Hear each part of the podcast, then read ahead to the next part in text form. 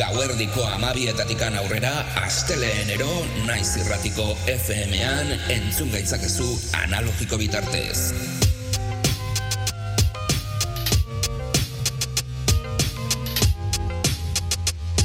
Naiz irratia. Musika gure teradia, orduak ikarotzeko modu egokia. Eta Rosa irrati Musika gure teradia, orduak ikarotzeko modu egokia. Musika beltza, musika elektronikoa, erritmo guztiak izango ditugu nazioartetikan gure etxeetara. Revolutionary Grooves saioa astera dagoa.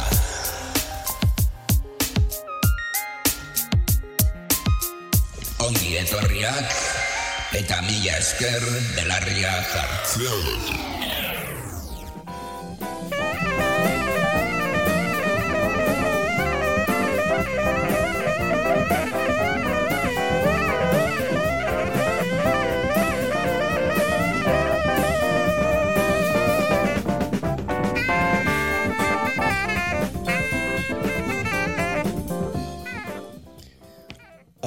Etorriak Revolutionary Grooves saio ontara jazz doinu hauekin gatoz eh, aste honetan Patriz Rasenekin monografiko hau disfrutatzeko.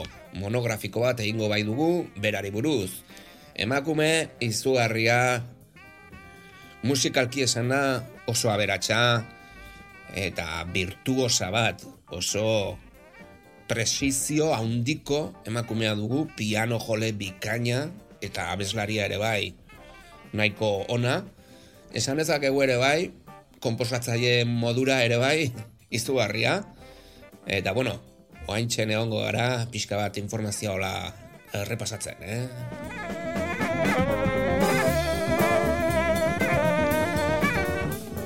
Beno, beno, eta nor da Patriz Luis Rasen? Bueno, ba, Los Angeles hiriburuan jaio zan, mila bederatzireun eta berrogeita malau garren urtean, ume super dotatu bezala hasi zan, ba, bueno, historiotxo hau nahiko laburra da, baina nahiko interesgarria.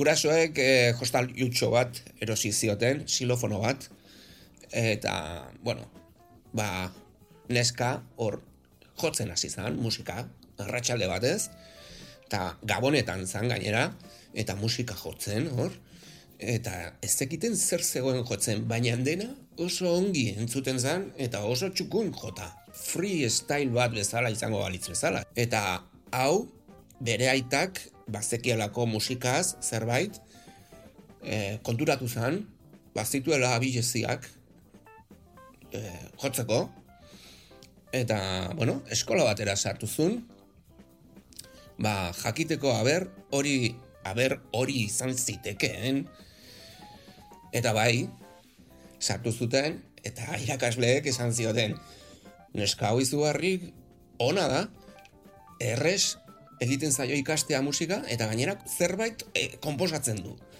Eta hori, bere, em, urtel aurzaro labur horretan, ba oso aurreratua den seinalea dela, ezta?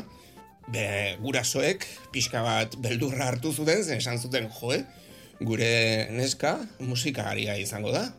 Eta beste gauz bat mani bali badu izan, ba, ezingo du izan. Osea, azkenean hori izango delako bere etorkizuna, ezta? Eta, bueno, azkenean eh, aurrera atera zan, emakume izan baino nago, neska oso superdotatua izan zen, musikaren aldetikan beti, bere bizitza beti musikarekin lotua dago. Eta bueno, esan ezakegu jazz piano jole izugarria, musikari bikaina, e, musika beltzaren goi zuzen, zuzendaria da. Gero ere bai, gramietan, makina bat alditan hautagaia izan da, amasei diska kaleratu zituen guztira, jazzaren bi disko, soul, funk doinuekin, bertan diska hauek ba, kutsu handia dute estilo hauetan. E, gero ere bai, e, amazazpi pelikuletan parte hartu du, komposatzaile bezala, gero Grammy bat irabazi zuen, e, musikari honen arentzat, eta gero e, makina bat sari musikal eta zinemaren munduan ere bai beste hainbat sari irabazi ditu.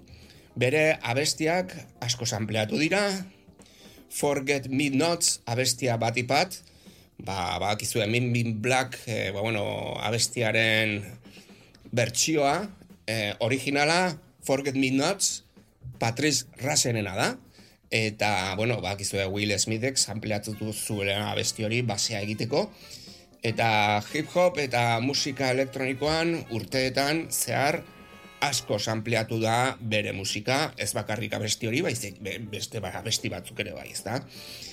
Gaur egun, irurogeita sortzi urte dituen emakume bikain bat dugu, Smooth Family taldearekin jotzen du jasaldietan, e, mundu guztian zer, eta bueno, baita ere estatu batuetan, gehien bat, eta gero musika estatu batuarraren ikono handi bat da. Esan ezakegu, Quincy Jones, edo eta Herbie Hancocken neurriko musikaria dugula Patrice Rasen. Beraz, ez da edo zein, eh, gaur entzungo duguna. Musika nahiko larogei garrena markadakoa izango dugu, baina baita ere, e, irurogei tamar, irurogei, hortikan ere bai, bere komposatzaile batzuen kolaborazioarekin, berak egin zituen lehenengo lanak entzungo ditugu ere bai bere errepasutxo bat izango bai dugu gaurko honetan. Benetan, gustatzen baldin zaizu sanpleatzea, gaur oso egun bikaina izango duzu, eh? Benetan, belarria jarri, zeren gauz potenteak izango dituzu hemen, eh? Ahotsak ere bai, eskratxak egiteko eta lako gauzak nahiko esaldi potenteak ditu. Eta, bueno, zer gehiago aipatu? Ba, bueno, Revolutionary Grooves saioan gure posta elektronikoa dugula, regrubes abildua hotmail.com duzue, saioarekin harremanetan jartzeko, edo zein kontsulta egiteko edo, proposamen. Gero ere bai, irratia.naiz.usera sartu zaitezkete, tracklistak eta audioak kontsultatzeko, arrozazarea.usera saioa ere bai jarraitzeko aukera duzue hor, revolutionarygruz.wordpress.comen babes moduko bloga dugu, saioari buruz, eta gero ere bai, iBox eta Spotifyen podcastak bakarrik. Beraz, horrez dituzue tracklistak aurkituko, baina beste webguneetan bai. Asteleenero, gauer diko amabietatikan aurrera, FM-aren bitartez entzun gaitzakezue, eta webgunearen bitartez streamingean zuzeneko emisioa. Edo zein lekutatik, munduko edozein txokotik, entzun dezakezue webgunearen bitartez, streamingean. Eh? Beraz, oso aukera bikaina duzue, saio guztiak entzuteko. Eta, bueno, Patrice Rasen gaur izango dugu, benetan artista handi bat, eta izugarrizko, ahots politxa, musika dotorea, musika oso politxa, benetan. Gure aletikan hause da guztia, urrengo astean, musika beltz eta elektroniko gehiago, gaur ere bai elektronikoa entzungo dugu pixka bat, musika diskoaren aldetikan, sintetizagailuak eta horrelako gauzak erritmo kutsekin ere bai, egindako musika entzungo dugu beraren eskutik, eta gure aldetikan hause da guztia. Mila esker belarria jartzeagatik, eta gurrengo astean, musika beltz eta elektroniko gehiago. Aio!